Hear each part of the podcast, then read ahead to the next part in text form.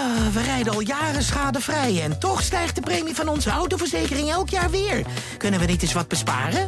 Genoeg van dat stemmetje in je hoofd? Even Independeren. Daar word je altijd wijzer van. Vergelijk nu en bespaar. Welkom bij Independer. Hallo, mijn naam is Gijs Groenteman. Ik zit niet in de archiefkast op de redactie van de Volkskrant. Ik zit thuis onder de hoogslaper van mijn dochter om het interview aan te kondigen wat ik gisteren had uh, met mijn gast. Uh, hij is kunstenaar, hij is dichter, hij is activist. Hij werd een jaar of tien geleden beroemd in Nederland toen hij met zijn kunstproject, zijn activistische kunstproject Zwarte Piet is racisme, uh, het Zwarte Piet-debat in Nederland in volle hevigheid deed ontbranden. En hij was er een zeer prominente figuur in, in die eerste jaren.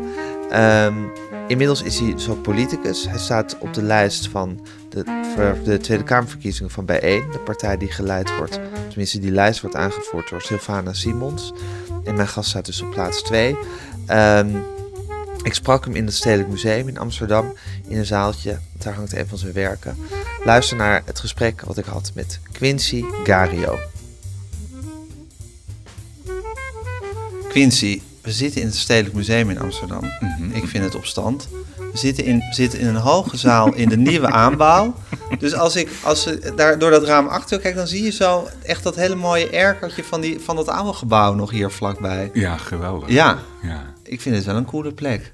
Ja, maar sowieso, het, het uh, um, ik dacht van oké, waar, waar zouden we een leuk gesprek kunnen voeren? Ja. En ik zit nu in een tentoonstelling hier in het Stedelijk Museum. Ja. Dus ik dacht, ik ga ze even vragen of ze een, een kamertje hadden voor ons. Ja, en dat mocht. En het mocht, ja. ja. ja. Ben jij een schuchter iemand eigenlijk van jezelf? Um, ik heb wel doorgekregen dat ik af en toe verlegen kan zijn. Ja. Maar ik denk dat het eerder te maken heeft met als ik in een situatie zit en ik weet niet wat er gaande is. Of wie er allemaal zijn of zo. En dan ben ik een beetje tot mezelf. Ja, precies. Maar zoiets als uh, even vragen of je ergens een kamer mag lenen om een interview te doen. Dat vind je niet zo'n probleem. Nou, ik moest er ook wel een beetje ingroeien. Um, in de rol van iemand die dat soort dingen durft te vragen. Ja, ja. En ik dacht ook op een gegeven moment van... hé, hey, als je... Wat, wat is er gezegd nou? Um, wie niet schiet, kan niet scoren of zoiets? Of, uh... Nooit geschoten is altijd mis. Precies. Ja, precies. Is dat iets wat jij hebt moeten leren in je leven? Sowieso, ja. Ja. ja. En wanneer, wanneer heb je daarover veel geleerd in je leven? Wat is een belangrijke tijd geweest wat dat betreft voor jou? Um, ik denk misschien de afgelopen tien jaar of zo. Um, en daarvoor, ik ben natuurlijk vanuit Sint Maarten naar Nederland gekomen om te studeren. En um, en dan kom je hier aan als student, um, als bursalis, zoals ze dat toen de tijd noemden. Of nog steeds eigenlijk. En dan, en dan denk je van, oké, ik moet toch mijn plek zien te vinden. En ik ga niet al te veel lawaai maken. Ik blijf gewoon rustig aan. Ik zie wel wat mogelijk is. En dan vervolgens, ja, dan denk je van, oké, maar dan kom je niet echt ver mee hier in Nederland. Omdat we vrij direct zijn ook. En nergens ter wereld misschien wel. Nou... Met stil in een hoekje zitten. Nou, niet zozeer stil in een hoekje zitten, maar of heb je het gevoel dat je in Nederland extra, extra veel op de, uh, de trommel moet beroeren om je hoorbaar te maken? Sowieso. Ja? Ja, ja. of tenminste, we, we, wat ik heb begrepen is dat we hier in Nederland vooral direct zijn. Dat en is recht toe, recht aan. Ja. En het moment dat je op een soort van andere manier dingen wil aanpakken, dan wordt het niet altijd meteen gewaardeerd of naar geluisterd. En dan word je dan, dan word je in een hoekje gezet en dan denk je van... oké, maar hoe kom ik hier uit? Hoe zorg ik ervoor dat ik ja. toch wel hoorbaar ben? Maar eerst kwam je dus van Sint Maarten, je kwam hier studeren. Ja. Hoe, hoe, hoe is dat om, om van een, uit zo'n heel warm deel van de wereld te komen? Ja, dat lijkt mij dus verschrikkelijk. ik heb zelf altijd veel last van winterdepressies. Ja, nou, winterdepressies, ja. maar ik heb echt last van wintersomberte, mm, laat ik het zo zeggen. Ja, het lijkt mij verschrikkelijk om, als je je hele leven gewoon in de zon hebt geleefd... dan hier terecht te komen. Um, het, is, het, is, het kan pijnlijk zijn. En er zijn ook heel veel studenten vanuit de Antillen die hier naartoe komen en inderdaad te maken hebben met, uh, met winterdepressie. Um, en ik denk dat het voor mij toen de tijd ook best wel heftig was. Maar ik had het geluk dat mijn moeder en mijn broertje ook mee waren gekomen. En dus kon ik, kon ik af en toe gewoon nog bij hen uh, even langs gaan. En, Schuilen.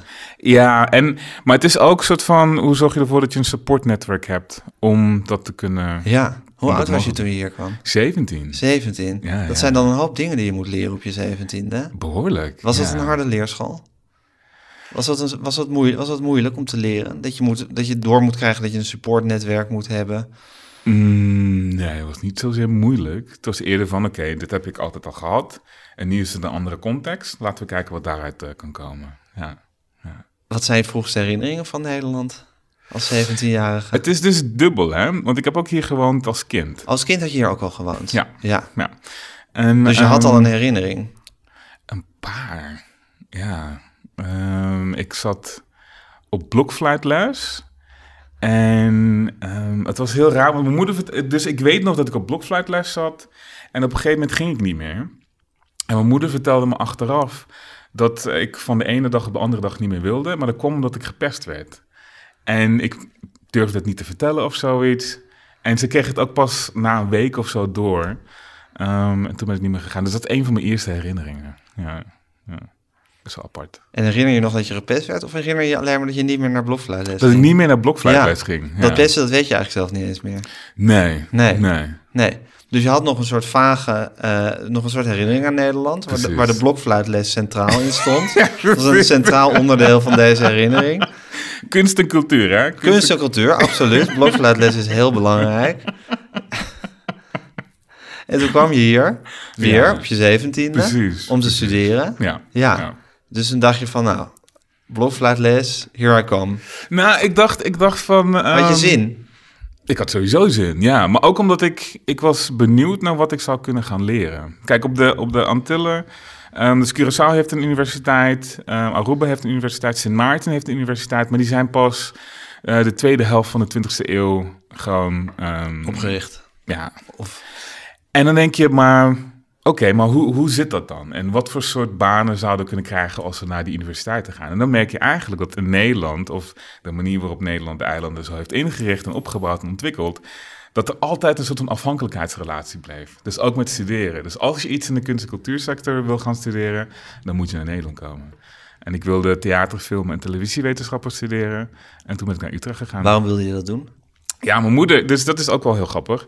Ik was fan van David Letterman, van een soort van late night shows, talkshows.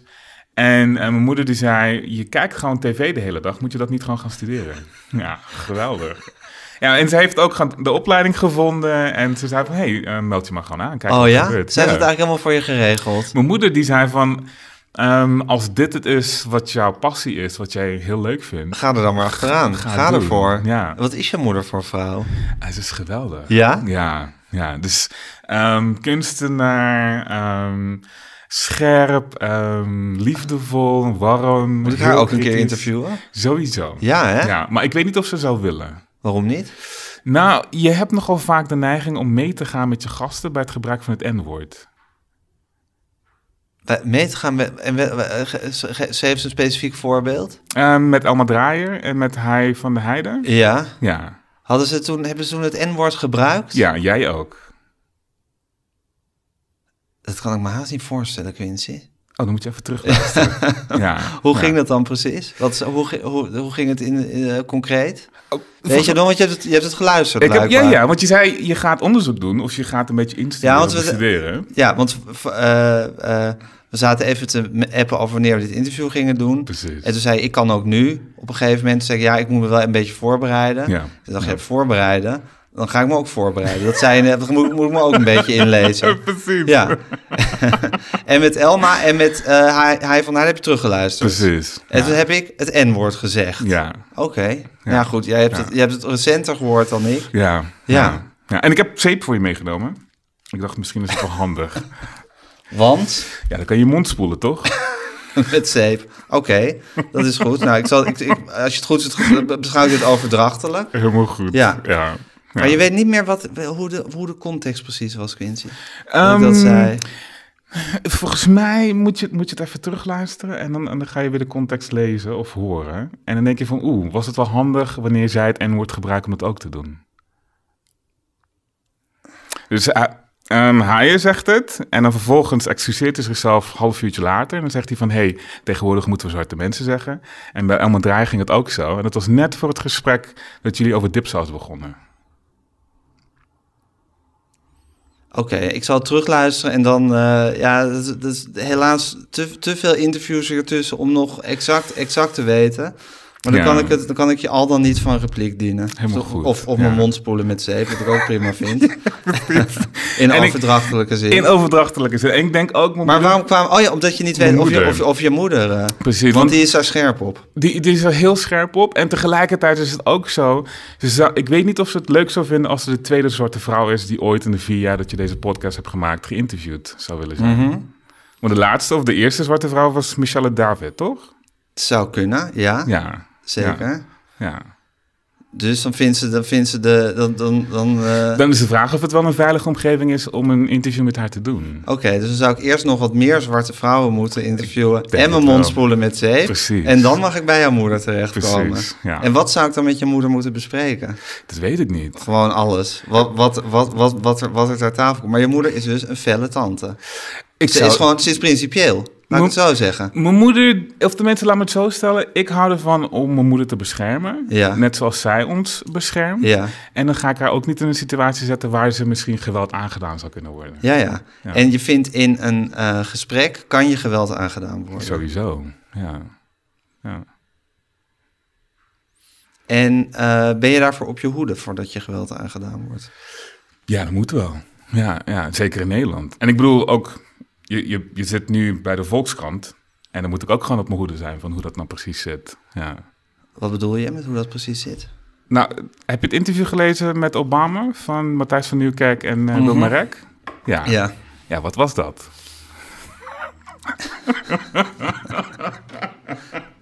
Maar Quincy, Ja. je, sna- je snapt ook, ik ben een soort totale eh, loswerkende entiteit. Ik loop hier rond met mijn recorder. Ja. Ik zit niet in een club met Wilma de Rek en Matthijs van Nieuwkerk... Nou om te bespreken hoe interviews afgenomen worden en wat erin besproken wordt.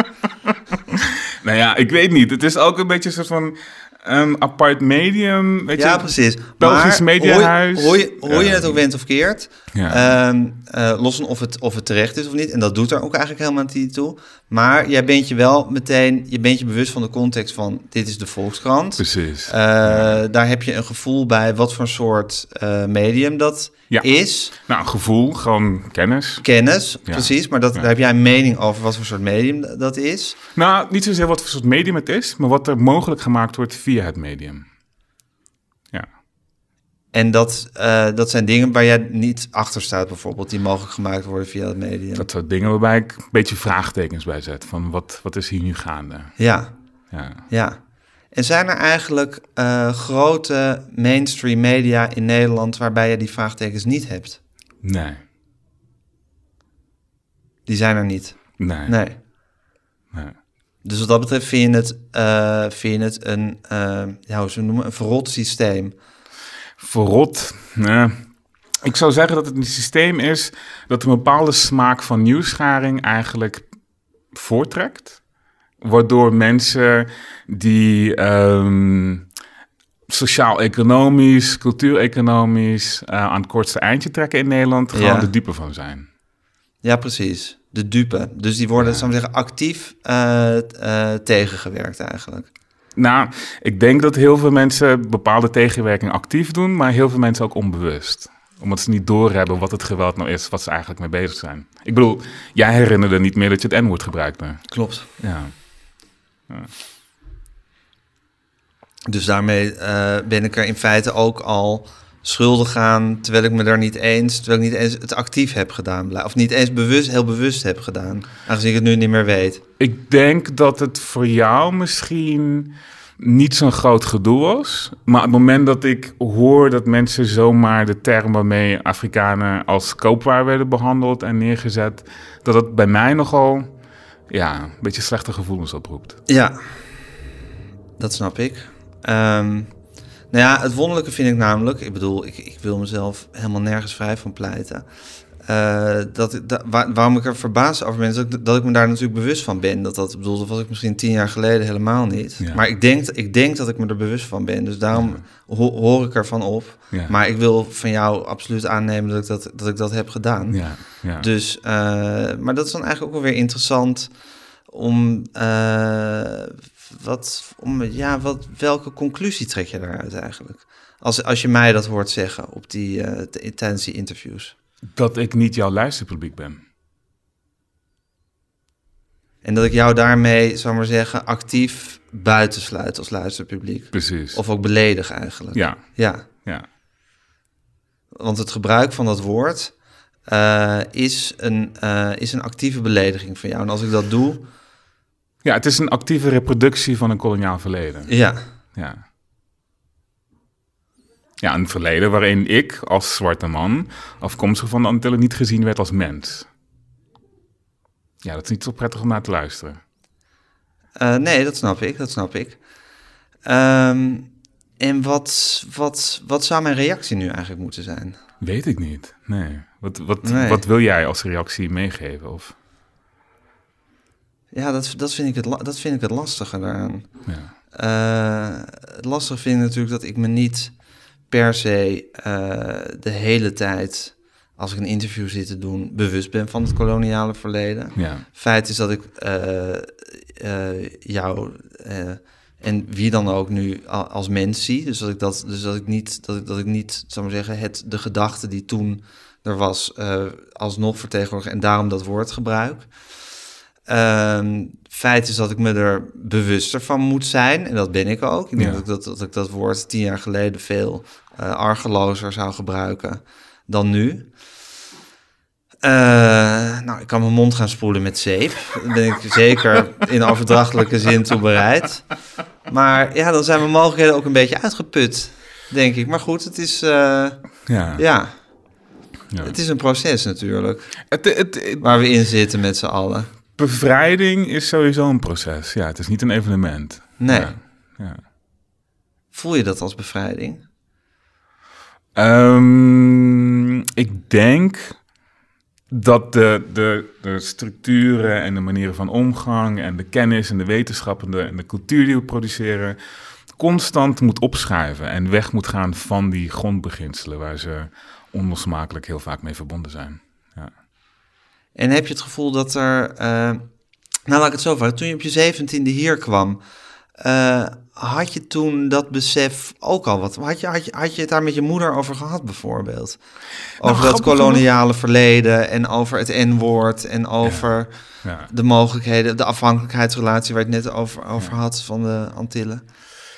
Grappig genoeg, wanneer je erin zit, ehm, praat je er minder over dan wanneer je in Nederland bent en door hebt van, oh ja, wacht even, dus zo zit het precies in elkaar. En daarom doen we dat daar. En daarom is het zo daar.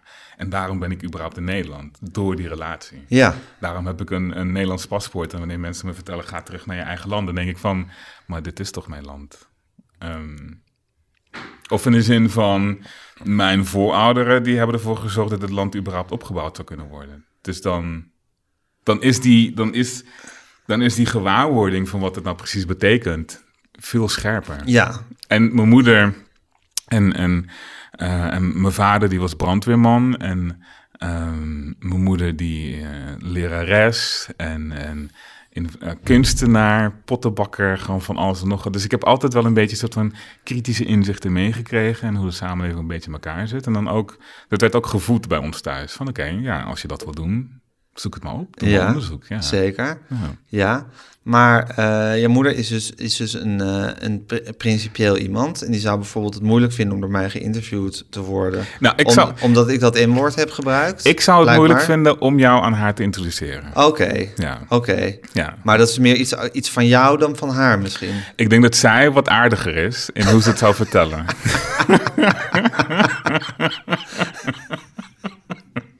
Ik vind jou eigenlijk ook best aardig. Dankjewel. Ja. ja. Oh, Nee, die, ga ik- ik, die ga ik als ringtone inzetten. Nou, ik vind, jou niet, ik vind je tot nu toe niet onaardig. Je bent meer, je bent meer, eh, meer, meer duidelijk in hoe je het ziet, maar Ja. niet onaardig. ja, Ja. ja. Is wel grappig. Maar je moeder zou beleefd zijn. Vinden veel mensen je onaardig of niet? Of, Ja, of tenminste, dat krijg ik mee dan. Ja, ja.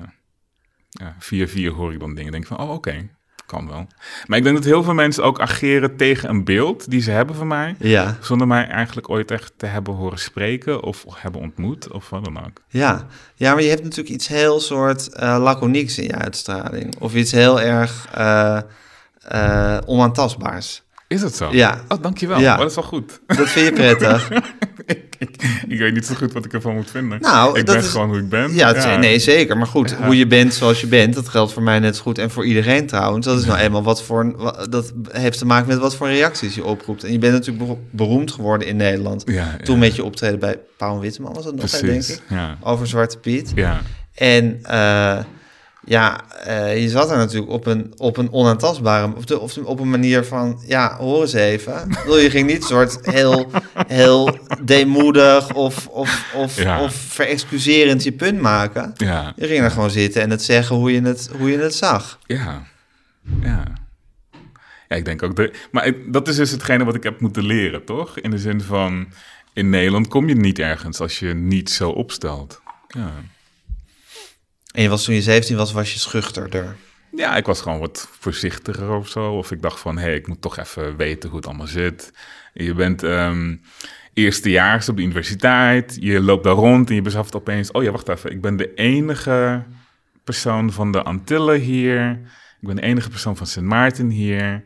Thuis spreken we drie talen door elkaar heen... en hier is het voornamelijk Nederlands. Ehm, Oké, wat ga ik doen? Ja. En is de, wat herinner je het moment dat je dacht van, ja, ik moet toch echt uit een ander vaartje gaan tappen als ik hier mezelf kenbaar wil maken? Ehm, ik weet niet. Ik denk dat er meerdere momenten waren. En dan op een gegeven moment dan denk je van... oh ja, wacht even. Ah, dat gebeurde toen daarom.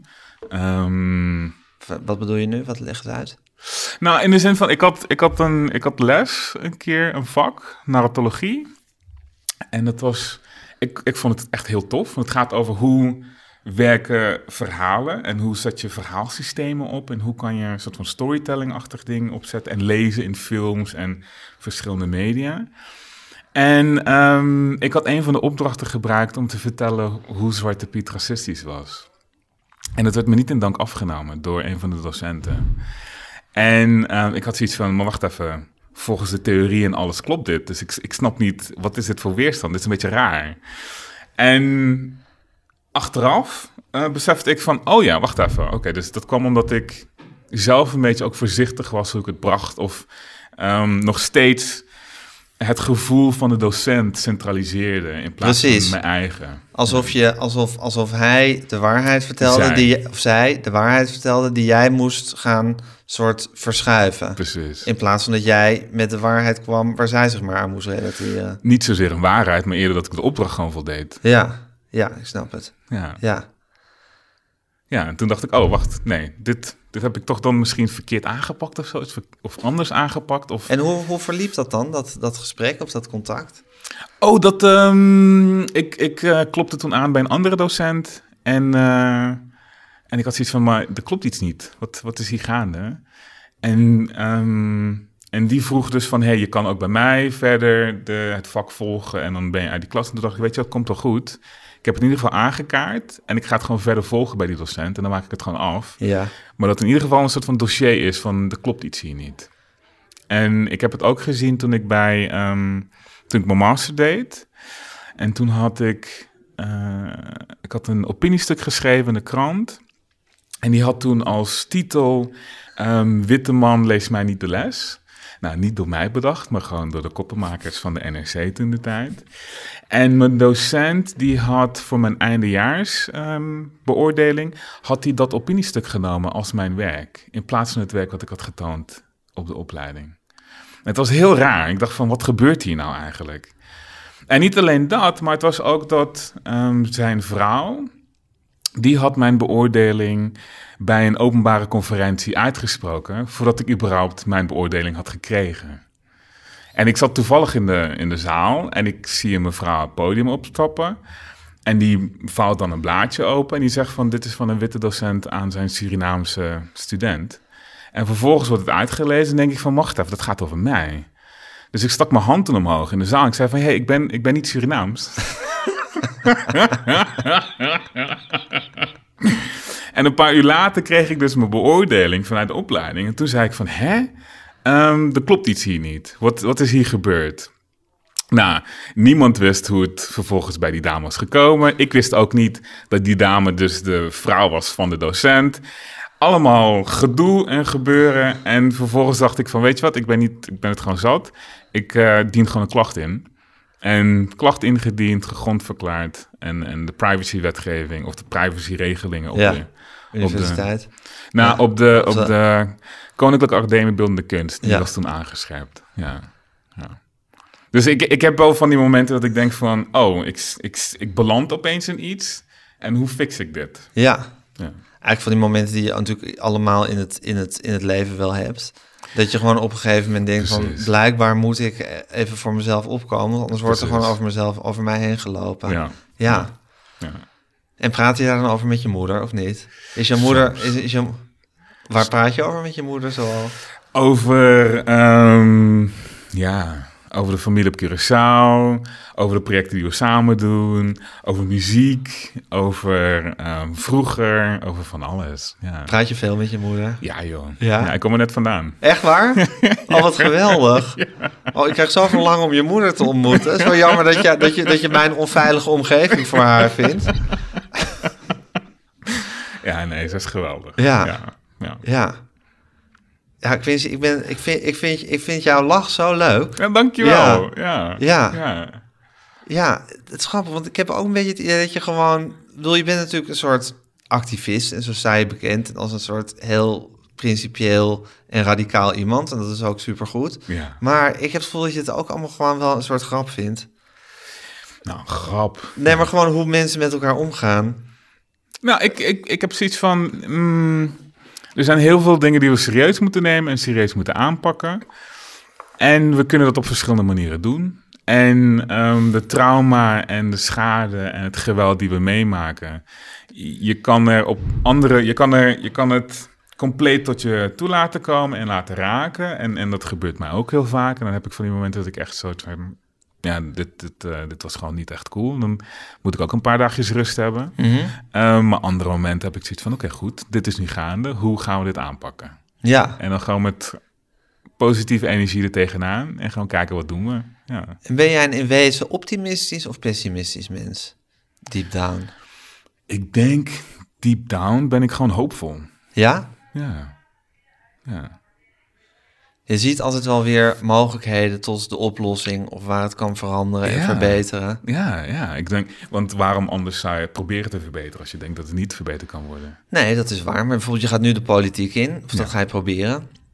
Eh, en dat, dat, dat, dat, dat zijn hoopvolle en optimistische mensen die dat doen. En het zijn ook vaak cynische, Ja. eh, diep cynische eh, opportunisten die dat doen. Mhm. Dus dan kan je tot allebei, in allebei de genres zou je kunnen horen als politicus in spe. Mm, Ja, nee, niet echt. Want ik denk ook dat de achterban van bijeen dat niet zou toelaten. Ja, Een eh, cynische en opportunistische persoon. totaal niet. Wat voor soort partij is bijeen? Nou, bijeen zit gewoon vol met mensen die eigenlijk te maken hebben met de issues die we willen veranderen. En ik denk dat dat ook het, het hele interessante is. Ehm, we hebben nog nooit zo'n historische lijst gehad voor een Nederlandse verkiezing. Ehm, en het zijn ook niet poppetjes die... Wat bedoel je met een historische lijst? Nou, ik bedoel... Wauw, je hebt de lijst bekeken, toch? Zeker. Ja. Ja. Ehm, Oh, je bedoelt historisch als in te gek of zo? Of Nee, episch? gewoon beide. Gewoon beide. In de zin van, we, we zetten precedenten over het feit dat we ehm, niet over mensen praten, maar juist vanuit. Mhm. Vanuit mensen praten en vanuit issues en vanuit ehm, bepaalde groepen die met dingen te maken hebben. Van een Jeanette Cheddar met, met antivalidisme, activisme. Ehm, ehm, ja, dan denk je van, oké, vet. Dit is, dit is niet zomaar iemand die naar voren geschoven wordt om stemmen te gaan trekken en vervolgens mag ze niks meer zeggen. Ehm, zoals ik denk dat waarschijnlijk het geval is met een paar andere kandidaten. Eh, maar dit is iemand die gewoon haar spoor heeft verdiend en weet waar ze het over heeft. En, en geen genoegen neemt met minder. Ehm, en, en zo zijn er steeds kandidaten die we hebben die constant ook dat gewoon doen. En ik bedoel, ja, Dus je vindt, die, je vindt die lijst fantastisch? Ik vind, die, ik vind die lijst persoonlijk fantastisch en ik vind het echt een eer dat ik erop mag staan. Ja. Ja. ja. En hebben jullie ook... eh, en, eh, je, je voelt de energie of zo uit die partij. Compleet. Ja. ja Hoe je- gaat dat dan? Heb je het partijprogramma gelezen? Nee, Ja, maar kijk, dat kan toch niet? sorry. Je hebt wel allemaal interviews van mij zitten uitpluizen op het N-woord. Heb je die interviews echt helemaal zitten beluisteren? Ja, toch? Ja. Wat vond je ervan? Ehm, ik vond het interessant. Ehm, ook in de zin van, want, want je hebt heel vaak ook Marcel van Roosmalen in je programma gehad. Ja, Maar hij is constant erbij als hij ik iets... heb hem één keer in mijn programma gehad, volgens mij. Nee, Vaker. drie of vier keer. En hij zit telkens als hij iets moet verkopen of zoiets. Of als er iets nieuws is dat hij uitbrengt. Ja, maar dat geldt voor een heleboel mensen die geïnterviewd worden. Ja, maar dan is het raar dat je maar twee zwarte mannen hebt gehad afgelopen vier jaar. Glenn Faria, afgelopen februari. Ja. Ja. En dan heb je vier keer Marcel van Roosmalen. Dan denk ik van, oeh, Vier keer? vier keer. Heb ik hem vier keer gehad? Moet je, moet je even terugkijken. Ja, ik terugluisteren. Ja, ja. En dan denk ik van, mm, oké, wat, wat gebeurt Maar hier? goed, wat vind je inhoudelijk van die? Want je hebt dus met Elmer Draaier en met eh Hai van der Heijden heb je helemaal terug zitten luisteren. Ja, en ook met, eh, met Glenn. Glenn en met. Glenn ook. Ja, Wat vond je er ja. inhoudelijk van, van die interviews? Ehm, ik weet niet. Ik vond het met, met, met Haaien, dacht ik van, je probeerde hem te pakken met een soort van holocaustontkenning. En dat, dat werd een beetje ongemakkelijk ook. En ehm, hij wilde het woord niet noemen, maar hij noemt het wel op een gegeven moment. En toen dacht ik, oeh, oké, wat gebeurt hier? En met Elma zaten jullie ook op een gegeven moment te fitten op dipsaus. Ja, ik vind dat een vreselijke podcast. Maar Ja, ik vind het geweldig. dat weet ik. Ja. Ja, ja. En toen dacht ik ook van, maar je hebt dan een stuk geschreven over hoe erg je het vindt. En vervolgens ga je in een gesprek met Elma Draaien Ja, ook nog hallo, over. jij hebt het toch ook heel vaak over bepaalde issues gehad in je leven. Twee keer in mijn Ja. leven iets over dipsaus gezegd. Nou, je hebt twee keer een podium gebruikt om ze omlaag te trekken. Dat is net iets anders. Ja, oké, maar ik heb niet heel vaak daarbuiten. Maar goed, maakt niet uit. Ja. maar je beoordeelt dingen dus heel erg op de. eh, ja, de. de, de, de- of, het, of het aan bepaalde dingen voldoet, zou ik maar zeggen. Dus je luistert niet naar dat gesprek van vind ik dat gesprek goed of niet. Maar het stoort je dat dipsaus wordt. Dat we op dipsaus zaten te fitten. Of je vindt dat ik niet genoeg donkere mensen heb geïnterviewd. Ik vind beide. Ik denk dat het... Er is een bepaalde macht die media hebben. Ja. En er is een bepaalde macht die je als presentator hebt. En dan is de vraag van hoe zet je dat in? En je hebt dan een heel groot platform achter je als de Volkskrant. En is dit dan wel de juiste plek om tegen drie vrouwen die iets op een zolderkamer bij wijze van spreken maken? Gesubsidieerd. Eén keer. Ja. En ze runnen het nog steeds. Ja, maar ik vind dat e- eerlijk gezegd, als, ik, als mensen iets over mijn podcast willen zeggen, dan moeten ze dat ook zeker doen. En dan mag, ik zou eerlijk gezegd blij zijn Ja. met de publiciteit die je krijgt. Ja, ik denk ook, als je, if you Mm. can't stand the heat, of the kitchen, als je jezelf in het openbaar uit, Ja. dan moet je ook eh, accepteren dat mensen daar dan een mening kijk, over maar hebben. dit zeg ik, hè? Ja. Oké, dus dit, dit is... Dit, zij...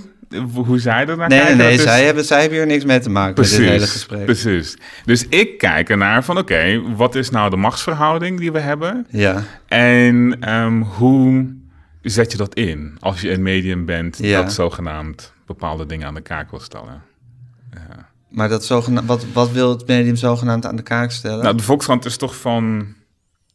De Volkskrant heeft toch iets van de links, links publiek, progressieve lezers, luisteraars. Nee? Ja, nou ja, anders dan de Telegraaf, denk ik. Maar ik weet, ja, ik, weet- ik bedoel, ik, ik ben niet de... Ik, Ja. ik, ik, ik, ik, ik, ik sta niet in voor, zou ik zeggen, wat, wat Pieter Klok, de hoofdredacteur, vindt dat de Volkskrant moet zijn. Dat kan ik onmogelijk ver- verwoorden. True, maar tegelijkertijd, je bent er wel aan gelieerd. Ik bedoel, Ja. hij heeft een heel ding neergezet over feitenvrije columns en dat het oké zou moeten zijn. Ja, dat, dat, dat volg ik niet. Dat feitenvrije columns oké zijn. Ja, Ja, nou ja, dat is, gaat een beetje over het wezen van de column. Wat is een column?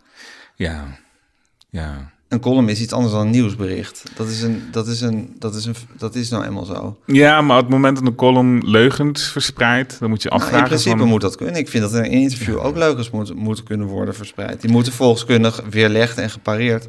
Precies. Maar ik zie een column als een, als een, eh, als een eh, vrijplaats van de columnist... eh, om in principe te schrijven wat hij of zij wil. Ja, maar tegelijkertijd... En als dat dan te veel uit de pas loopt, als dat niet meer kan... dan moet die Ja. column gestopt worden. Ja, precies, toch? Dat zou ik ook denken. Nou, op de, als dat, eh, dat, dat kan een keuze zijn. Maar het is niet zo dat er per column moet worden gekeken van klopt dit allemaal of klopt dit niet. Want het is, een, ja, dat, dat is gewoon een soort journalistieke wet. Ja. Dat is de plek van de columnist. Je geeft een columnist een plek, dat is anders dan een nieuwsbericht of een Ja, reportage. ja, maar als er een patroon is van leugens die verspreid worden, dan moet je inderdaad afvragen van, maar wil je dat als een medium? Dan is je betrouwbaarheid toch ook op de tocht? Zeker, maar ik denk als er een patroon is van leugens, dat een krant dan wel in zal grijpen. Dat zou je denken. Ja. Maar we kregen een soort van, nee, feitenvrije columns moet mogen. En over welk, welke specifieke column ging dat? Volgens mij nog een aantal. Ja, ja. Ja, maar goed, was dat een, een reeks columns van een columnist die week na week leugens verspreidde? Ik denk het wel, ja. Maar je weet niet wie dat was, of wel? Tuurlijk wel, maar ik heb nu geen zin om ook daar meer, daar allemaal een soort van brandje te gaan lopen stichten. Nee, ik denk dat iedereen wel weet over wat... Dat is een brandje wat je, waar je geen zin hebt om dat te lopen stichten. Nee, joh. Nee. Nee. Maar goed, dus, maar, je, maar goed je, zo'n interview kan je niet loszien van het medium wat het, wat het, wat het distribueert. Precies, en de Eh, context. de context, de bedoeling die er, die er gedaan wordt. Dus eigenlijk, zou ik maar zeggen, of je het... Ja, het klinkt meteen al heel irrelevant, maar of je het een goed interview vond of zo, of dat je het eh, een uur luisterplezier vond of niet, dat interesseert je eigenlijk al niet eens zozeer meer. Het gaat er ook om, wat wordt ermee beoogd, wat wordt ermee bereikt, Ja. wordt dat gedaan of niet? Ja, maar ik denk dat komt ook een beetje een soort van door beroepsdeformatie. Ik ben nou eenmaal een we- mediawetenschapper, Ja, dus ik kijk gewoon anders naar hoe dat wordt ingezet. ja. Ja. Want als mediawetenschapper zie je meer het patroon. Dan leer je kijken naar zowel de inhoud als de context, ehm, als de referenties, als de politieke ecologie waarin het zich bevindt. Ja. ja. Of tenminste, mijn docenten hebben mij dat geleerd. Ja, behalve die ene. Behalve die ene. Waren die andere docenten wel goed? Ja joh. Ja? ja, ja. Wat, vond je het een goede studie? Ik vond het ehm, voor de mogelijkheden die ik kreeg een geweldige studie. Ook omdat ik ehm, ehm, bij mijn eh, studievereniging actief was. Ehm, ook we hadden een, een productiebureau, video waar ik ook heb rondgelopen en video's heb gemaakt. Ik heb ik heb verschillende raden gezeten binnen de universiteiten, gekeken hoe besluitvorming en bestuursbesluiten gedaan worden. En ik dacht echt van, wauw, dit is geweldig. En theater, film en televisiewetenschappen was onderdeel van het instituut, eh, instituut Representatie. Zeg ik het nou goed? Volgens mij wel. En ehm, daar zat ook gender studies bij. Ja, nou, toen ik dat ontdekte, dacht ik helemaal van, holy snap, dit is echt, dit is hem. Waarom? Ja. Ehm, als er één vakgebied is binnen de universiteit dat activistisch is, dat de structuren überhaupt van de universiteit bevraagt, ehm, dat je lenzen geeft en gereedschap geeft om de wereld te kunnen veranderen en aanpassen en opnieuw naar te kunnen kijken, dan is het wel toen de tijd bij, bij Gender, Ethnicity en Migration Studies. Wat voor, een, wat, voor een, wat voor een sfeer heer daar dan? Wat was daar aan de hand? Nieuwsgierig, ehm, energiek, eh, enthousiasme. ehm, en gewoon een, een gezonde idee van... hey, de wereld is op een bepaalde manier gebouwd... en wij kunnen dit ontmantelen en wij kunnen het anders inrichten. Ja. Hey, en Quincy, nu we eigenlijk zoveel jaar verder zijn... Hè? Ja. en je met deze witte koloniaal hier aan tafel zit... Dat heb ik niet gezegd. nee hoor, dat, zeg, dat zeg ik zelf even ironisch. Eh, vind je eigenlijk dat er, dat, er, dat, je- dat er al wezenlijke stappen zijn gezet? Ik bedoel, Ja. Je bent er nog niet, neem ik aan. Nee. Of we zijn er nog niet. We zijn er nog. We zijn er nog niet. Maar zijn er, zijn er wel dingen veranderd sinds jij dit, nou, een kleine 20 jaar geleden, 18, 17 jaar geleden studeerde? Ja, heel veel denk Ja? ik. Ja, ja. Ik bedoel, überhaupt het feit dat we een partij hebben... die geleid wordt door een zwarte vrouw... dan denk ik van, holy crap. Dit is wel echt het van next level. En dat we, dat we boeken hebben, ehm, zoals... eh, Hallo Witte Mensen van en Zoomé. ehm zoals Zwart. Ehm, zoals De Goede Immigrant. ehm, zoals Afrolit. Of dat we boeken hebben en, en studies hebben als... als ehm, Witte Onschuld. de, de opnieuw uitgebrachte versie van alledaagse eh, racisme. Dan denk ik van, holy crap. Dit, dit zijn echt stappen die gemaakt worden. En eh, het Rijksmuseum en het Tropenmuseum... en de manier waarop ze met taal omgaan... de manier waarop ze met hun collecties omgaan... dat mensen nu, nu eh, ja, ook beseffen van... we zijn met elkaar verbonden. En dus de dingen die we doen... die moeten we ook constant We moeten zorgen dat op het moment dat wij beter worden, dat iemand anders niet slechter af is. En ik denk dat dat besef nu constant meer in. Wat bedoel je daarmee? Ja, klimaatverandering. Als we het hebben over klimaatverandering, dan gaat het heel vaak over van oké, wat zijn de kleine stapjes die we kunnen doen? Weet je, een rietjesverbod en van alles en nog wat. Terwijl steeds meer het besef komt van nee, wacht even. Net zoals Milieudefensie heeft laten weten, 70% van alle um, klimaatverandering dingen die gedaan worden, worden door 100 bedrijven gedaan. Dus we kunnen het constant wel afschrijven op soort van individuen en wat zij moeten doen en hoe zij hun gedrag moeten veranderen. Maar het gaat eigenlijk over, die moeten we aanpakken, de grootbedrijven. En dan denk ik van, vet. Dat dat soort onderzoek er is, dat is echt, dat, is, dat was twintig jaar geleden niet zo. Nee, dus er zijn stappen Er gezet. zijn heel veel stappen gezet. En waar Ja. maak je nog boos over? Boos? Of waar, waar, waar, wat, wat is nog, eh, wat moet er nog veranderd worden? Ehm, nou, ik denk heel veel. Ehm, als we kijken in Europees opzicht, dan zien we Hongarije, Polen, Frankrijk nu met een wet waarbij je niet politieagenten mag filmen. Dan denk ik van oké, dat zijn dingen die gewoon aangepakt moeten worden. Ehm, als we kijken naar de manier waarop heel veel mensen blij waren voor Biden en, en, en Harris, dan denk ik van maar wacht even, laten we nog even gaan kijken wat ze precies gaan doen.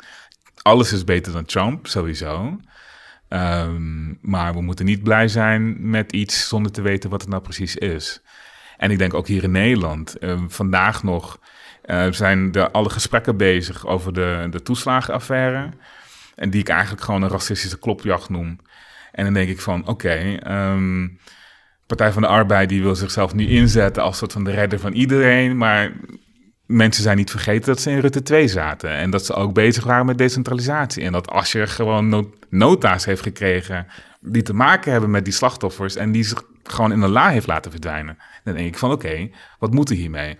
Of D66 met Team Kaag hashtag en van alles en nog wat. Dan denk ik van, dit is dezelfde politicus die in een kabinet zit... die kinderen niet wil redden uit een vluchtelingenkamp. Ja, dan moet je toch elkaar over worden, denk ik. Ja. Of dan moet je in ieder geval denken van... dit klopt niet en dit zouden niet moeten steunen. Ja, of dat überhaupt weer ChristenUnie eh, abortus ehm, wil, wil gaan compliceren. Dan denk ik van, waar, waar zijn jullie mee bezig? Handen af van het lichaam van de vrouw, punt. Ja.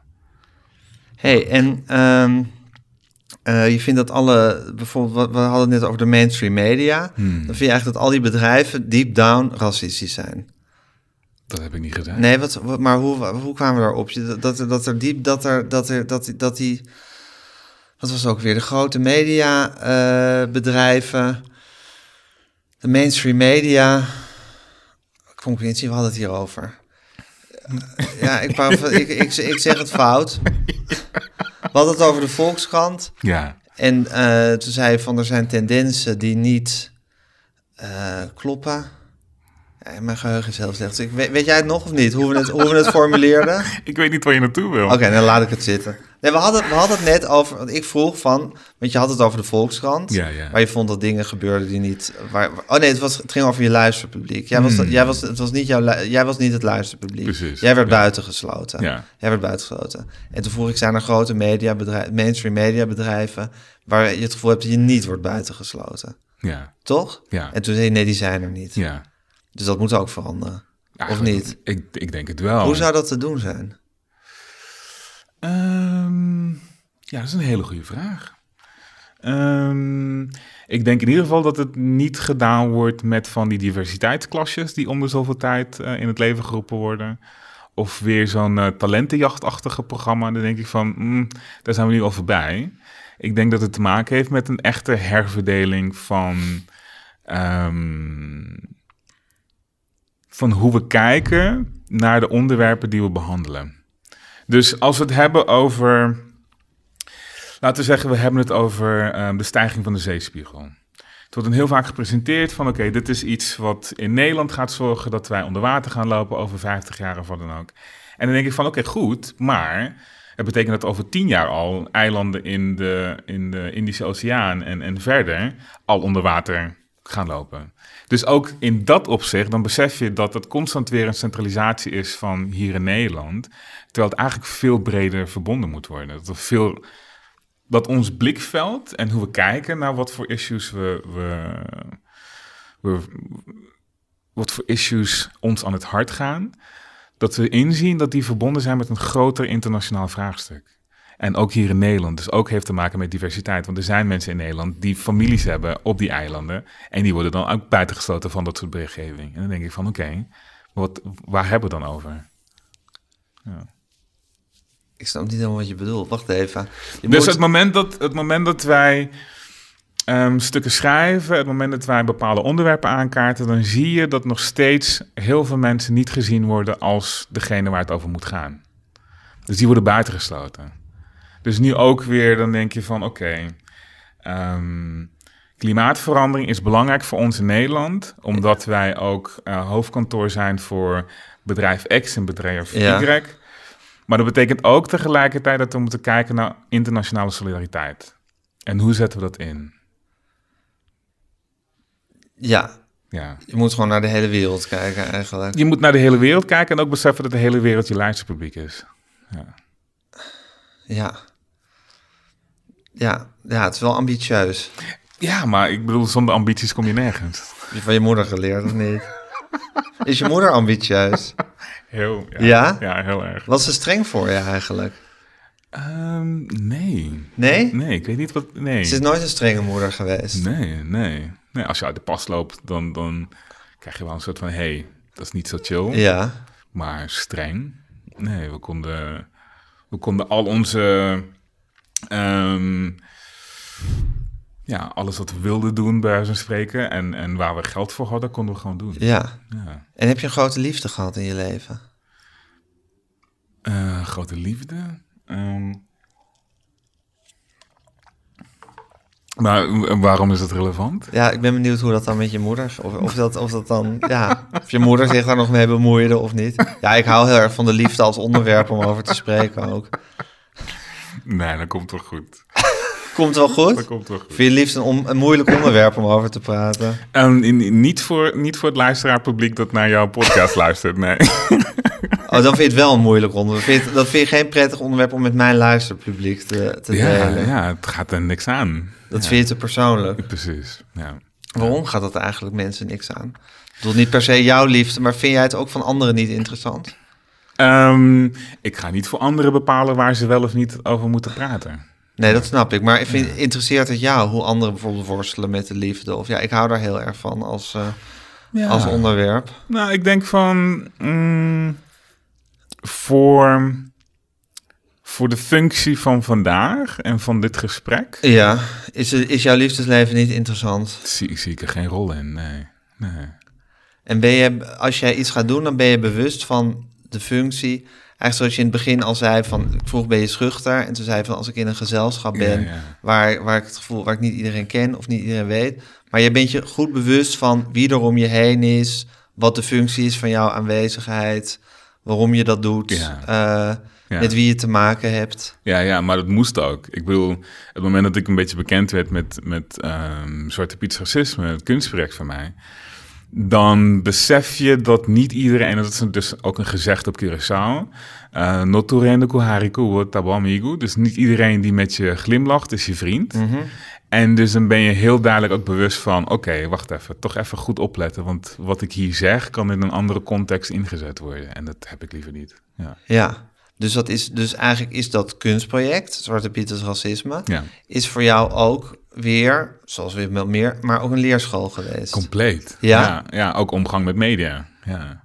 Hoe was dat toen, dat toen je daarmee begon, toen je daarmee bekend werd en toen dat insloeg als een bom eigenlijk? Ehm, ja, ik, ik weet niet. Ik was, maar dat is ook weer zo'n ding, hè. Ik was vrij naïef, denk ik eigenlijk. Ik dacht, ik doe gewoon een kunstproject voor een maandje en dan eh, komt het wel goed. We zijn nu wat negen jaar verder. Ehm, en en dan, dan heb je dan van 1 juni tot en met 12 november is er gewoon niks aan de hand. En je bent gewoon bij verschillende plekken, heb je je t-shirt aan en dan spreek je mensen aan. Je hebt een website waar je foto's op zet. Je gaat naar zomercarnaval, je gaat naar kunstmarkten. Je gaat gewoon gesprekken met de mensen aan. En af en toe is er dan iemand die een beetje zo'n verbolgen kijkt en, en even een praatje aangaat met een verhefte, verhefte stem. maar na die arrestatie, toen was het meteen van... oké, nee, jij bent staatsvijand nummer één... en eh, we gaan je even aanpakken. Ik werd zelfs op een gegeven moment terrorist genoemd of zoiets. En toen dacht ik, oké. Ehm, en dus dat was wel heel erg confronterend en schokkend... maar ook... Het was, het was ook heel bizar, want ik was toen ook ge- gebeld door de redactie van ehm, eh, De Wereld Draait Door. En die wilde mij eh, in de show hebben op de maandag na de arrestatie. En vervolgens belden ze maandag, zeiden ze, hey, het wordt toch woensdag? En vervolgens werd het woensdag, zeiden ze, hey, weet je wat, het wordt toch vrijdag? En vervolgens vrijdag kreeg ik geen telefoontje, maar toen keek ik op tv en toen hadden ze een, eh, een hulp Sinterklaas op tv. En het was een zwarte man die zichzelf wit had gesminkt om te vertellen hoe fijn het was om Zwarte Piet erbij te hebben. En toen dacht ik van, oh oké, dus zo gaat het eigenlijk. Ehm, ik word verteld om niet in andere, in andere talkshows of in andere programma's te gaan zitten, omdat ik bij De Wereld Draait Door ga zitten. En dan vervolgens gebruiken ze dat en dan ben ik nergens te zien en dan, bam. Maar ik Ehm, denk dat dat ook een soort masterplan was om jou Ik uit niet- de media te houden. Ik zeg niet masterplan. Ik zeg dat het gewoon een beetje. eh, Het, het was een beetje onhandig. en Het was een beetje raar, voelde het. En toen was ik ook nog bij Nieuwsuur. En Nieuwsuur die had ons geïnterviewd en die zou het gaan hebben over de vrijheid van meningsuiting. En vervolgens kreeg ik het, keek ik het item terug en toen dacht ik, hè, wacht even. Dit gaat over waarom Zwarte Piet nog steeds oké zou moeten zijn. Wat, wat, wat is er gebeurd in de edit? En ik weet nog, ik had een gesprek toen met, eh met Weile Anil Ramdas. En die had me toen eh, gebeld en geïnterviewd. En, eh, en die gaf ook gewoon heel goed advies. En die zei van, hey, zorg ervoor dat je altijd weet met wie je praat en hoe dat zit. Dus dat, ben ik nooit vergeten. Ja. En als je weet met wie je praat en hoe dat zit, wat, eh, dan weet je of je je schrap moet zetten of niet. Of dat je op je tellen moet passen. Precies, ja. ja. En ik denk dat het ook ehm, voor heel veel mensen ehm, met een, een migratieachtergrond... of heel veel mensen die niet tot de dominante groep horen hier in Nederland het geval is. Want het zijn, Want dat is substantieel anders. dat is substantieel anders, ja. ja. ja. Omdat je altijd met meer, je wordt vijandiger eh, Bejegend. bejegend. Ja, ja, of je woorden worden verdraaid, of ehm, er wordt een spin gegeven aan wat je zegt. En dan denk je van, hè, maar dat Maar hoe niet komt dat? Waarom is dat, denk je? Ik weet niet. Ja, Is dat zoiets van, eh, je komt hier niet vandaan, dus je mag geen kritiek geven? Of eh, is, zou het zoiets zijn? ik weet niet. Ik weet niet hoe dat komt. Maar ik denk, ik, ik heb wel gemerkt dat er constant als ik iets zeg, dan wordt het anders geïnterpreteerd dan wat ik letterlijk heb gezegd. Dan wordt het gereproduceerd op een manier, dan denk je van, wat is hier, wat is hier gebeurd? Ja, Dat, dat gebeurde aanhoudend toen eigenlijk in die tijd. nog steeds. Nog steeds. Ja, ja. ja. En eh, zou dat niet ook de ervaring zijn van, eh laat ik maar even zeggen, witte mensen... die ook vaak het gevoel hebben dat ze verkeerd geciteerd of gereproduceerd worden? Zou je hebt het kunnen. idee dat het met, als je, als, je een, als je een andere achtergrond hebt dan een witte van hier... dat je, dat, je dan, dat, dat dat risico groter is. Of dat je eigenlijk met meer, iets meer vijandigheid wordt eh, tegemoet getreden. Er zijn onderzoeken die dat tonen. Ja. Dus het is niet zozeer een gevoel. Nee. Het, is, het is gewoon bewezen. Ja. En eh, eh, dan heb je dus een grote les in wantrouwen geleerd in die tijd. Nee, nee, want wantrouwen is niet een goede raadgever. Ik zou zeggen dat ik een ehm, goede les heb gehad in voorbereiding. Zoals je nu ook voorbereid hebt. Precies. Ja. ja. En ik probeer dan ook gewoon goed te kijken van oké, maar wat is dan de functie en, en, en ehm, wat haal ik er zelf uit? Want ik heb ook heel vaak nee gezegd tegen mensen. Ja. Ik vond het grappig dat je mijn nummer had. En waarom heb je dan ja gezegd? Omdat ik het interessant vind. Ik vind het wel een interessant gesprek. Ik dacht van, dan kan ik je, kan ik je ook een paar vragen stellen. Ja. Maar dat van dat, van dat N-woord, dat heb je pas nadat, ik, nadat je ja had gezegd, heb je dat... eh, Ehm, ik had gekeken naar nadat je had ge-sms'd. Ging ik even kijken van wie allemaal in je show waren geweest. En toen Ja. dacht ik, oké, hmm, als ik de tweede man word, de tweede zwarte man word, dat is ook wel een, een soort van prestatie. Dus dat, dat wil ik wel zijn. Ja.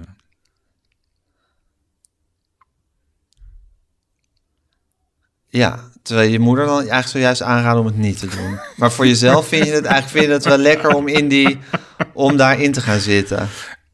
Lekker is, een, is, is iets... Nee, maar wel goed. Ja. Ofwel, eh, Ik denk dat we...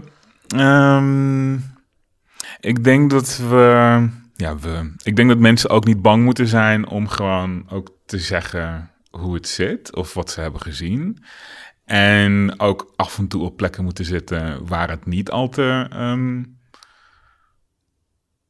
al te vriendelijk eraan toe zou kunnen gaan. mhm. Ehm, maar ik, ik, ik vind het ook wel heel lastig, want ik doe dat dan zelf. Maar ik raad andere mensen dat niet aan om te doen. Dat vind ik ook wel heel Ja, ja. apart. ja. Je vindt eigenlijk dat je, dat je, je, je, vindt dat je zelf meer risico's moet nemen dan je anderen zou eh, aanbevelen om dat te doen. Ja, ja. Ja, ik weet ook niet precies hoe dat komt, maar ja. Nou, misschien omdat je het gevoel hebt dat je inmiddels gehard bent door eh, allerlei confrontaties. Ja, misschien. Ik bedoel, je hebt tegenover een eh, razende Henk Westbroek eh, op Nederland 1 gezeten.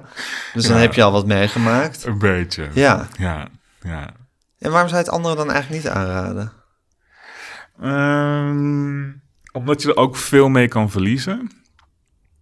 En ik denk dat niet iedereen dat altijd even beseft.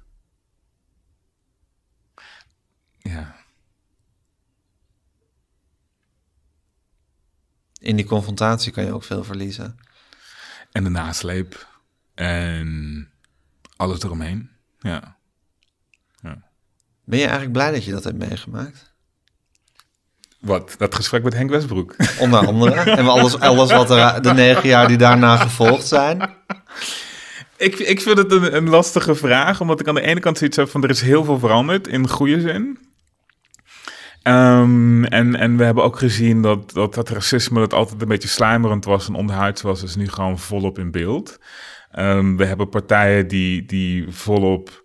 ehm, eh, kandidaten hebben die nazi-sympathieën hebben. We hebben, we hebben eh, partijen die, die volop lopen zeggen van... we moeten het constant moeilijker maken voor mensen om zich hier thuis te kunnen voelen. Ehm, we hebben partijen die eh, eigenlijk mensen ter dood hebben veroordeeld... omdat ze gedwongen worden om via een schammelbootje de Mediterrane Zee over te moeten steken... omdat ze een veilig onderkomen willen. Ehm, dus, dus dat is... Dus dan denk ik van, het is goed dat er nu, nu mensen hebben die dat aankaarten. En ook in, in, in strenge en ehm, straffe bewoordingen. Ehm, maar een aantal van de dingen die ik heb meegemaakt, ja, daar had ik wel zonder gekund. Ja, ja En hebben die je beschadigd? ik denk het wel. Ja, ja. In welke zin? Hoe voel je die beschadiging? Mm. Nou, ik weet niet. Het, is toch een soort van gevoel van, van veiligheid af en toe. Wat je niet meer hebt. Niet altijd. Ja, altijd toch wel een beetje op je hoede moeten zijn. Ehm, tegelijkertijd weten dat er heel veel mensen achter je staan en heel veel mensen die je niet ziet, ehm, ehm, die je ook steunen. Eh, Ik vind het altijd heel grappig als ik dan op straat loop. En tegenwoordig door dat mondkopje word ik niet meer zoveel herkend. Dus dat is ook wel, Prettig. ook wel fijn af en toe. Maar ik weet nog, eh, vorig jaar zomer liep ik ergens. En eh, toen stopte een meneer mij gewoon en zei van... Hey, tof, doe je ding. Blijf gewoon doorgaan. Toen liep hij door. Toen dacht ik van, wauw, wie was dat? Ik was op Schiphol een keer en toen was ik onderweg naar Philadelphia voor een conferentie. En, ehm, en eh, er, was, was iets. En ik sta daar iets uit te vogelen en er komt gewoon een meneer naar me toe die zegt van... Ja, ga zo door, vuist in de lucht. Oh, wauw. Dus de, dan denk je van, oké, goed. Er, is, er is, ja... Ik vind, ik vind het nog Maar lastig. er zijn dus een paar momenten dat je in het open dat je van, van een willekeurig iemand bijval hebt gehad. Dat heeft je dus heel erg geraakt in positieve zin. Ja. Maar het gebeurt dus veel vaker blijkbaar. Anders zou je er niet zo door, door geraakt zijn positief. Ja. Dat je, dat je het zwaarder voor je kiezen krijgt. Hoe bedoel je? Dat Dus mensen boos zijn. Of dat mensen Nee. onaardige dingen tegen je zeggen. Nou, op straat. Nou, dat valt wel mee. Ja, gelukkig. Ja. Maar, dat maar het is ook omdat ik niet meer... ehm, bijvoorbeeld... ehm, ik ga niet zomaar naar plekken toe. Laat me het zo stellen. Ja. Dus ik, ik moet wel gewoon voorzichtiger zijn. Ja. Het is ongelooflijk wat die Zwarte Piet-discussie voor een agressie heeft losgemaakt. Hè? Of, lo- of blootgelegd, kan je misschien beter zeggen. blootgelegd. Ja. Ja. Ja. En hoe dat ook door sommige mensen wordt ingezet ehm, om andere discussies te gaan voeren. En dan denk ik van, maar wacht even. Dit gaat over... Ja, ja, nee, inderdaad. Ja.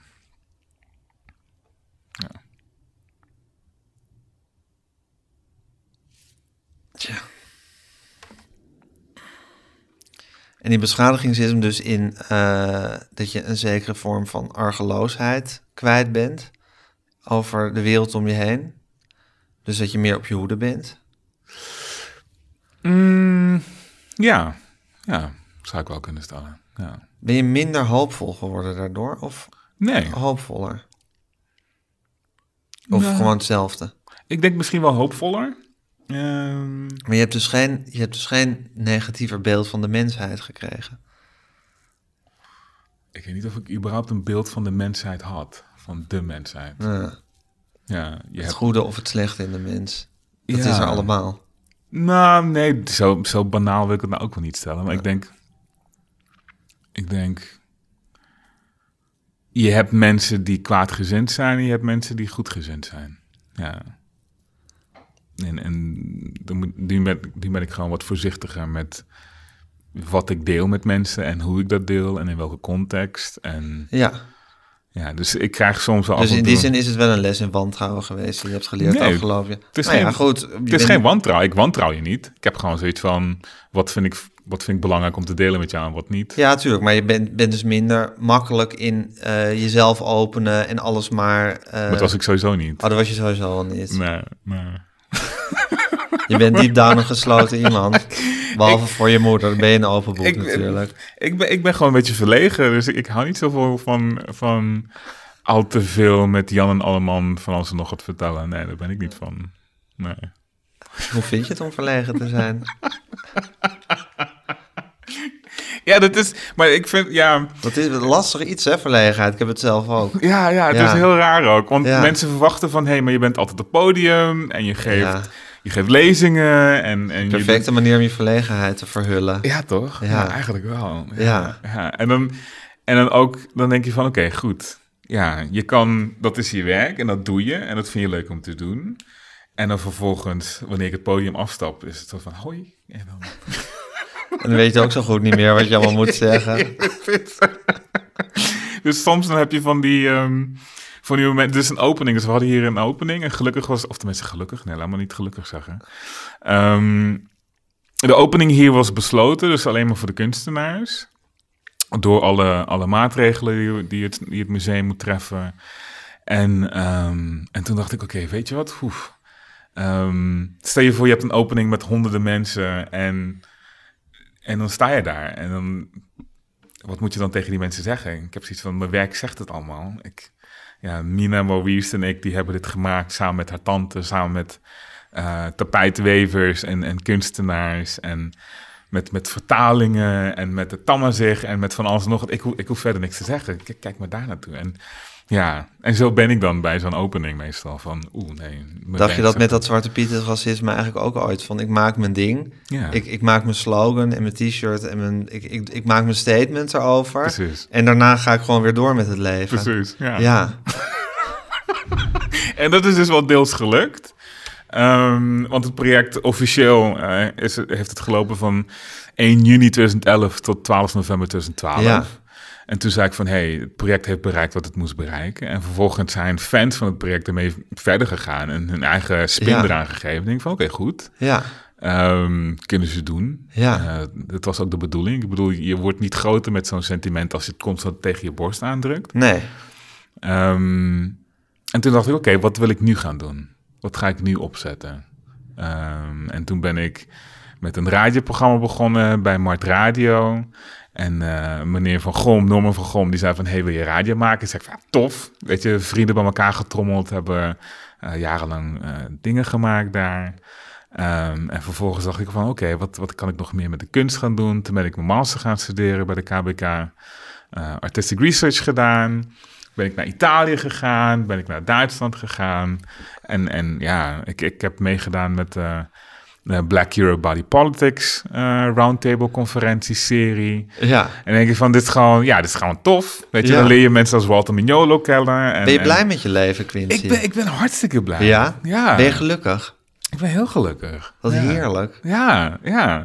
En ik denk dat het ook mogelijk was, omdat ik ook precies wist van, oké, wanneer draag je het stokje over? Ik denk dat heel veel mensen ehm, bij bepaalde issues betrokken raken en die raken dan verbitterd en, en die weten niet hoe ze dan dingen moeten kunnen loslaten. En dat is belangrijk, dat je op een gegeven moment ook gewoon het laat gaan. Ik denk dat het belangrijk is om in te zien dat je niet de enige bent die tegen iets, die, te- die, die voor iets vecht. Ja. En op het moment dat je dat besef hebt, dan voelt het ook als een soort van... hé, hey, we zijn met een gemeenschap. Dus hé, hey, oké, goed. Ik stond nu eventjes Vooraan. voor. Nu kan ik achteren. En nu kan ik op een andere manier dingen steunen... en Ja. mensen helpen of, of eh, bepaalde gesprekken voeren. En dan denk ik van, oké, en nu... En desalniettemin vind je het dan toch goed om af en toe je in een wespennest zoals dit gesprek te steken. Ja, ja. ja. Deze, deze doodenge confrontatie aan te gaan. precies. Ja. ja. hey, en Quincy, als je nou met dat stukje zeep komt, hè, omdat ik Ja. mijn mond moet gaan spoelen, en mij, mij confronteert met mijn, met mijn ja, diep gewortelde racisme, wat ik dus blijkbaar in me heb zitten, dat wil ik allemaal best aannemen. Eh, wat hoop je eigenlijk? Wil je het gewoon, wil je het gewoon even eh, bespreekbaar maken? Wil je het even op tafel leggen? Wil je mij veranderen? Wil je mij de les lezen? Wil je mij bewust maken? Wil je mijn luisteraars bewust maken? Eh, wil je me... Wat, wat, wat, wat, wat... Wat, wat, wat, wat, wat, los van dat ik hier mijn mond mee moet spoelen, wat, Ja. wat, wat wil je hiermee verder met die zeep? Ik, ik denk dat ik gewoon benieuwd ben naar de reactie. Ja. Ja. En, en leid die reactie... Dus je wil een reactie antameren. Ik wil kijken van wat... Kijken wat gebeurt er. Ja. ja, en dan denk ik van oké, als dit leidt tot een verandering, goed. Als dit leidt tot een verduidelijking van je eigen positie, die je misschien niet eens wist dat je die had, is het ook goed. En dan weten andere mensen ook wat ze ermee aan moeten. Dus eh, mijn positie, dat ik, dat ik in een positie zit dat ik een podcast kan maken, dat ik daar mensen voor kan uitnodigen. Nee, nee, je, je positie ten opzichte van ehm, het koloniaal verleden, positie ten opzichte van het N-woord, ten opzichte van diversiteit in de media, ten opzichte van inclusiviteit, eh, veranderingen die nodig zijn. Wat is jouw positie daarin? En dan is het gewoon kijken van, oké, wat, wat, wat doe jij daarmee? Ja. Dus, dus wat ik zelf verwacht, ik, ik weet niet wat ik kan verwachten. Nee. Maar je hebt die bal nu bij mij gelegd, Precies. eigenlijk. En Ja. nu moet ik er iets mee doen, of niet? Precies, ja. Ja. Ja. Maar je hebt in ieder geval even een stuk zeep gegeven om me eraan te herinneren. Precies, Ja. ja. ja. Letse zeep, hè? Letse zeep. Ja, ja. Die heb je uit Letland Je hebt eh, uit Letland. meegenomen. Ja.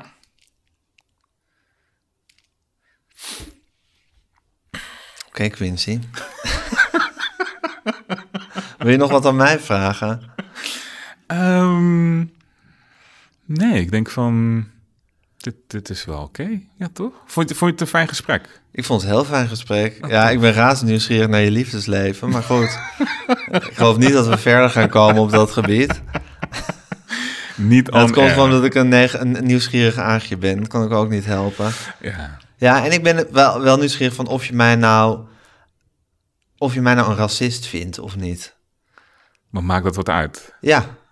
Ben gewoon, ben gewoon, nou, net zoals jouw liefdesleven, dat maakt me verder ook niks uit. Ben ik ook nieuwsgierig naar. Ik ben gewoon nieuwsgierig naar. Maar wat ik vind daarover zou toch niks moeten uitmaken? Jawel. Ik bedoel, je zit hier toch tegenover me. Ik zit een uur met je te praten. Ja. Ja? Maar wat jij bent en wat jij doet zijn twee verschillende dingen. Ja, precies. Maar in wat ik doe, Ja, en daar kan ik je op aanspreken. ja, precies. Ja, maar wat je bent, dat, dat ben je of dat, dat wil je zijn. Wat, wat heb ik Ja, daarover te zeggen? dus je kan ook geen racist zijn en je wel racistisch gedragen. Wel racistisch doen. Ik denk dat we heel vaak het onderwerp terug willen brengen naar een soort van identiteitskwestie. Maar dat is niet zo interessant. Ook, ook, want eh, tegenwoordig gebruiken mensen heel vaak ook de term identity politics en Ja. identiteitspolitiek. Maar dat ging helemaal niet over een vast omlijnde identiteit. Het gaat over wat voor identificaties worden gebruikt om mensen te onderdrukken. En dus wat jij bent, maakt mij helemaal niks uit. Ja. Dat jij in je podcast het N-woord gebruikt en mij dan vervolgens uitnodigt, dan denk ik van oké, hier kan ik eigenlijk wat over zeggen. Ja, En dat doe ik dan ook. ja, vind ik heel goed. Ja. Ik ga ook zeker, als ik er geduld voor heb, die interviews terugluisteren. ja. ja. Maar ik zei dus niet in een soort beschrijvende zin. Nee. Je hebt het citaat niet paraat, hè, denk ik.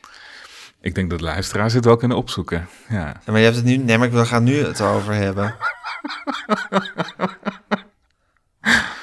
Ga maar luisteren. Oké. Saai, moet er helemaal terug luisteren. nou goed, ik kijk wel of ik het luister. Ik vond in ieder geval, ja, ik heb het gevoel dat, dat, dat, dat er nog ergens een heel gesprek ligt tussen ons. Kan. Maar dat, maar dat Ja. kunnen we dan misschien een andere keer voeren. Sowieso, ja, ja, lijkt me goed. Ja. Kijken wat gebeurt na maart. Dat doe je wel, toch? Dat doe ik al, Spreken we elkaar weer. sowieso. Dankjewel, Quincy. Dankjewel. Ik zal het goed doen aan Marcel van Roosmalen. ik zal me nooit, nooit, nooit van Marcel van Roosmalen distancieren. Dat moet ik wel even zeggen. Dus ik hoop dat je me dan ook nog wil spreken. Nou ja, ik, ik weet niet. Marcel van Roosmalen die gaat lopen liegen over Noerels. Dan denk ik ook van, mm, ja, dat is ook niet zo chill. En heb je, hem gevra- heb je hem naar zijn verhaal gevraagd of niet? Ik heb bij eh, de Nieuwsbv aangegeven dat ik het niet zo chic van hen vond dat zij geen excuses willen. Ja, maar goed, dat is dus weer over die positie van die columnist. Dan moet je eigenlijk bij hem zijn en niet bij de nieuwsbv. Nou ja, zij geven hem een podium. Zeker. En je vindt dat ze hem dat af moeten pakken. Dat zeg ik niet. Ik zeg dat ze anders erover moeten, moeten, mee moeten omgaan. Ja. Want anders... eh, Het, is- het is ehm, op Radio 1 voor hoeveel honderdduizenden luisteraars, of ik weet niet eens of het honderdduizenden zijn meer, maar Mhm. voor hoeveel luisteraars. En dan zo hard uithalen ja, tegen een van de weinige zwarte hoofdredacteuren in Nederland. Dan denk ik van, Maar hij mag toch tegen iedereen hard uithalen? Ik bedoel, hard uithalen is zijn werk. ja, Dan wordt hij ja. van, hij haalt ook hard uit naar Henk Bres. Wie?